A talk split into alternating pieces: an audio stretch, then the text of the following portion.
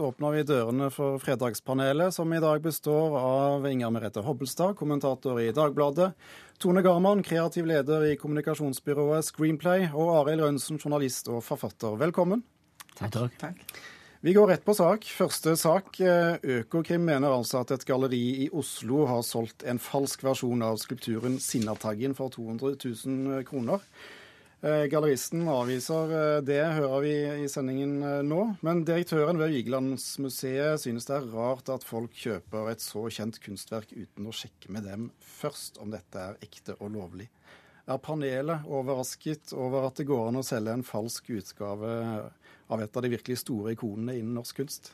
Definitivt ja. Ja. Nei. Nei, vi får begynne med nei.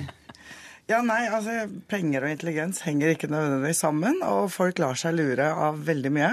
Uh, og jeg kommer jo fra en bransje som kanskje er kjent for å kunne selge det meste. Det, men uh, man har jo sett eksempler på at folk har latt seg lure en masse i forhold til tidligere saker hvor uh, Forbrukerrådet bl.a. hadde en annonse hvor de annonserte med lurium, hvor de kunne gjøre deg slank, få hår tilbake på, men bensinprisen skulle gå ned. Folk gikk mann av hus for å kjøpe produkter. Folk lar seg lure av veldig mye. Men Inger Merete, du er likevel overrasket? Ja, det vil si jeg tenker jo vel egentlig det samme som uh, sidekvinnen her, men jeg tillater meg å være overrasket likevel. Fordi jeg syns jo det er uh, utrolig at folk tenker at ting kan, slike ting kan falle rett ned i hendene på dem. At de kan uh, eie et av disse ikonene i kunsthistorien sånn uten videre. Og særlig fordi jeg forstår at denne etterligningen er relativt semmert laget. At den ikke, at den ikke ligner så mye engang. Eh, men jeg vil jo tro at det kanskje har med å gjøre dette veldig ønsket om å tro det også. At man kan kjøpe noe, man kan eie noe, at man kan få en så uvurderlig eh, gjenstand eh, sånn helt uten videre. Og at det kanskje henger sammen med denne forunderlige klokkertroen på at man kan bli rik veldig, veldig fort, som gjør at folk også Altså litt sammenheng med det som får folk til å gamble som får folk til å svare på sånne underlige mailer som forteller dem at de har eh, vunnet eh, eller arvet millioner av kroner. fordi det ender jo at folk gjør det også. Så det er en egen magi i den, tanke, den tanken. Det skal jo eh, ifølge noen kilder være en forholdsvis dårlig kopi, så sant det er en kopi. Men det er kanskje en fin type hagegnom for kultureliten? Arild? Nei, men, ja, men her, her, må det være snakk om folk som noen som har kjøpt den, som, en, som både er veldig rike og kjempedumme. Fordi jeg, jeg, er ikke spesielt godt bevandra i kunstverdenen. Men jeg ville jo ha sagt, tenkt som så at hvis jeg skal kjøpe originalen av Sinnataggen, så ville jeg i hvert fall først gått til Vigelandsparken og sjekka om den faktisk står der. Og hvis den står der, så, så, måtte det da være sånn at det i tilfelle var en kopi, da. Hvis jeg skulle kjøpt noe annet. Den har vært borte så, så den, ja, men Nei, dette er en mystisk historie. Eh, ja, må vi konkludere her at kjøperen er eh, ikke har fulgt veldig godt med i, i, i, i, kulturhistorien? Og særlig fordi hvis du først vil ha en kopi av disse ikoniske kunstverkene, så finnes det jo så mange av dem. Altså, det er jo bare som at det finnes liksom sånne stender med sånne, masse sånne små versjoner av Den lille havfruen og Eiffeltårnet. Altså, hvis du vil ha en sinnatagg i hjemmet ditt, så går det jo an å få det. Og faktisk en kopi som du vet er en kopi, så det er ikke slik at det er spesielt vanskelig. Og så skal vi huske på Andy Warhol, da, som stilte ut solbriller. Mm. If I say it's art, it's art. Kanskje det var det han tenkte, Kjell. Mm. Han bryr seg ikke om hva vi mener. Kanskje han ser på Sinnataggen sin og sier ja, men jeg tenker at dette er storkunst, og da er det det. Men kan det være en eh, russisk oligark eller noe sånt som vil ha litt eh, norsk kjent kunst? Det kan vel være hva som helst. 200 000 som jeg hørte summen var, er jo ikke så mye i kunstverden heller. Og, men spørsmålet er jo hvis det, kopien er så dårlig at det liksom ikke er en kopi, er det da et selvstendig kunstverk? Eh, eier Vigeland rettighetene på et sinna barn i, i, en skulptur? Eh, men hvis det er solgt som Vigeland, så, så, er det jo solgt i et forsøk på kopi. Uh, nei, gudene hvem det. det kan være veldig mange, tror jeg. Selv om denne saken fremstår for oss som litt absurd, så er det jo på en måte verdt også å ta med at dette er jo et slags fenomen i kunstverdenen i dag. Da, fordi menneskene som har råd til å betale fryktelig mye penger for kunst, er jo ikke alltid på en måte De har mye penger, men det er ikke alltid de har sofistikertheten, kanskje, til de som på en måte Til fagfolk og kunstnere, som gjør jo at dette er et marked som lar seg manipulere. Eh, jeg var nå i juni på den store utstillingen av Damon Hirst på Tate Modern i i, i, London. Og ble helt sånn en retrospektiv utstilling, og ble helt slått av hvor hult og repetitivt så mye av den kunsten var. Og der tenker jeg at bare en god psykologisk forståelse for sin egen kjøpsterke, konkurransedrevne målgruppe og en evne til å gjøre det veldig om å gjøre å eie et av disse bildene, mm. har drevet det at det, den hypen og at det har blitt et fenomen like mye som kunstens iboende verdi. Så det er klart, eh, det er mulig å manipulere folk med mye penger og få folk til å se en stor verdi i noe som kanskje ikke er det. Det høres ut som popmusikk. Kunst er et kommersielt marked. Ja. ja, med markedsføringsøyne, hva er det egentlig som gjør at eh, folk stjeler Sinnataggen og får oppmerksomhet ved å kaste maling på den i ulike farger, og nå eh, kjøper kopier av den, muligens? Nei, det, er, det, har kanskje ingen sammenheng, akkurat med rødmalingen og det at noen kjøper kunsten. Rødmaling er vel eh, reinspikka hærverk, tenker jeg, og litt sånn russemoro. Eh, men at noen kjøper kopier, det er rett og slett som du var inne på sa at det er drømmen om å eie noe unikt og kunne skryte av det. Vi skal skifte tema. Magasinet Selvsagt publiserer i siste nummer en liste over ord vi ikke bør bruke for å beskrive mennesker med nedsatt funksjonsevne. Ordene som forekommer både i, uh, ordene forekommer ofte både i dagligtale og i, i, pressen, og stigmatiserer, mener redaktøren i Selvsagt. Mens språkprofessorer på sin side mener uh, en slik liste er tøvete.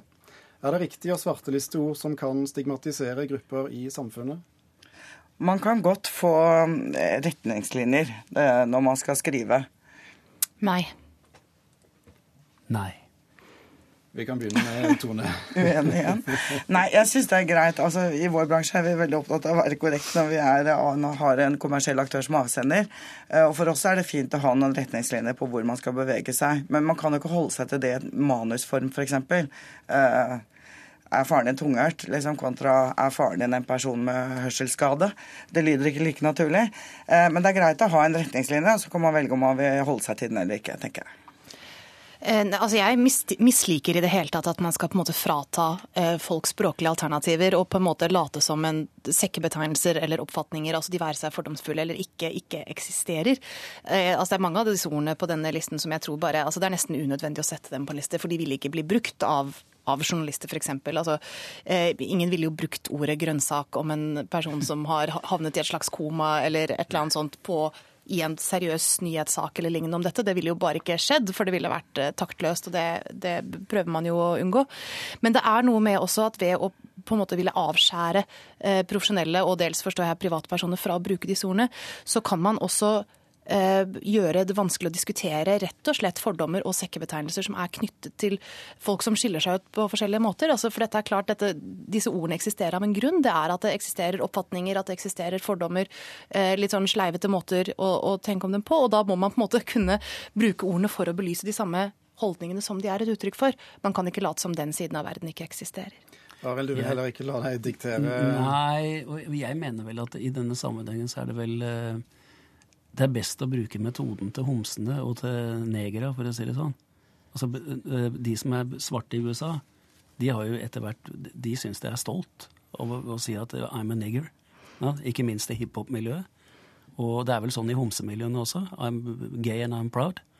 Det, og jeg syns det er måten å gjøre det på. Jeg, hadde, jeg skrev en artikkel i Klassekampen for eh, noen uker siden som handla om uh, Behring Breivik. Og jeg brukte i tittelen uttrykket 'galehus'. Og jeg fikk en, en, et par-tre reaksjoner på det, fordi at de, de, hadde noen i familien sin som syntes det var stigmatiserende. Fordi at uh, altså, skulle ikke på galehus fordi at man var gæren, for å si det sånn. Men, men jeg syns at det, altså, man skal være veldig hårsår for ikke å kunne tåle sånne ting. Men et av ordene her er jo handikappet. Eh, det er et fyord. Men vi har jo likevel Norges Handikapforbund. Ja, det lurte jeg også på. Jeg skjønte ikke den.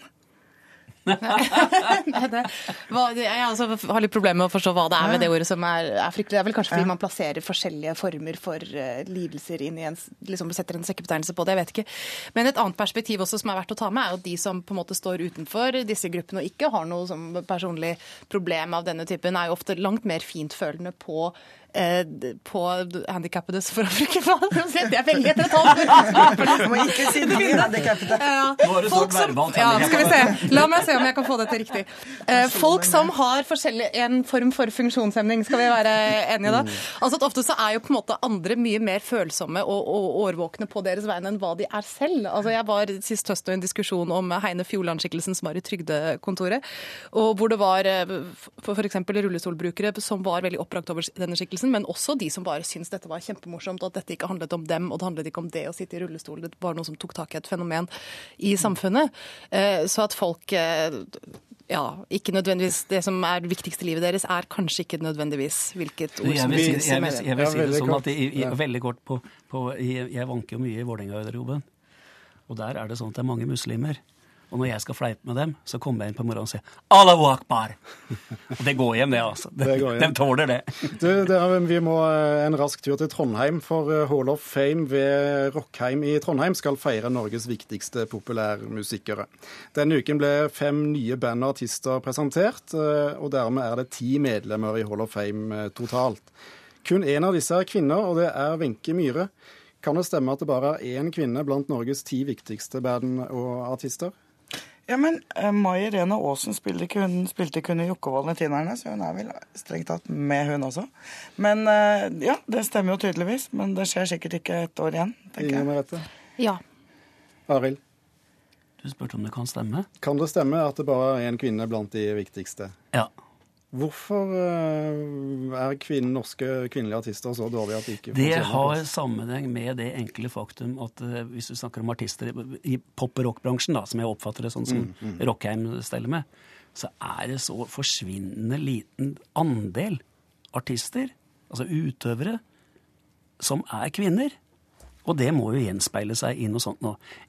Når det er sagt, altså hvis man tar med Wenche Myhre, så kunne man kanskje like gjerne ta med Nora Brogstedt. Ja? Men av de moderne artistene så vil nok kanskje jeg si det at jeg savner Anne Grete Preus.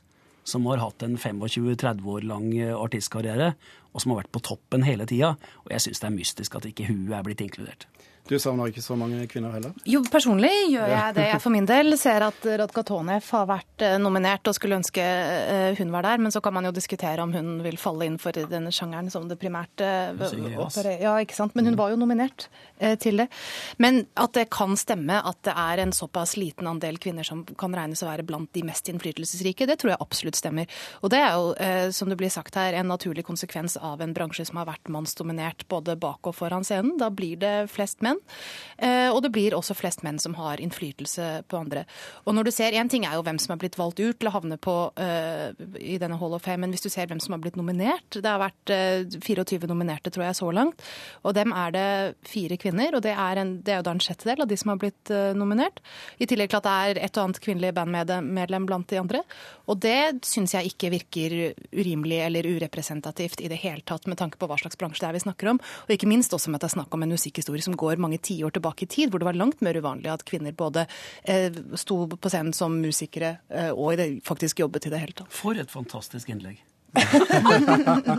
Men kan, kan Rockheim og juryen gjøre noe med dette, eller er det bare bransjen og kanskje de kvinnelige artistene selv som må skjerpe seg? Jeg tenker at dette kommer til å glatte seg litt ut over tid, rett og slett fordi det, blir, det kommer flere og flere kvinner inn. Men altså, det er begrenset her. Jeg syns ikke helt man kan klandre de som har valgt dem ut. fordi eh, altså, man kan ikke helt velge om noen har vært innflytelsesrike eller ikke. Dette er jo på en måte like deskriptivt som normativt. Altså, jeg skulle, kan jo si at jeg skulle ønske at den og den personen hadde hatt enormt bred innflytelse, hadde påvirket eh, fans, andre artister osv., men det er jo ikke helt noe man kan bare si slik man skulle ønske det var, er jo ikke alltid slik det er. Ane Brun og Marit Larsen kommer neste gang. Men eh, Marit Larsen var vel i juryen nå, det blir kanskje vanskelig å, å velge seg Hun skal vel ikke sitte i den juryen hele tida? Men skal man Hun ikke- kommer dit. For å komme i Hall of Fame ha 25 års eh, debutert for 25 år siden. og det begrenser vel òg. Det er der på i San. Francisco du snakker om nå, skjønner Å ja. ja. du. Er du optimist i forhold til å få inn flere kvinner i- fremover nå? Du, jeg vet ikke hvordan eh, Altså, jeg syns ikke jenter skal velges for, eh, fordi de er jenter. Jeg syns de skal velges for det de har gjort. Og jeg sier som det også, Anne Grete Preus burde ha vært der. Men, og jeg vet ikke om juryen diskuterer i bakhånd, for det hender jo at, at, man sitter og stemmer over ting, og så blir man litt overrasket. Eh, hadde de diskutert i bakhånd, så hadde de kanskje sett at her mangla det kanskje noen, men uh, dette er ikke mitt fag. vi får se. De skal utnevne stadig flere, maks fem hvert år fremover nå i en del år. Takk til eh, Inger Merete Hobbelstad, Tone Garman og Arild Rønsen i Fredagspanelet.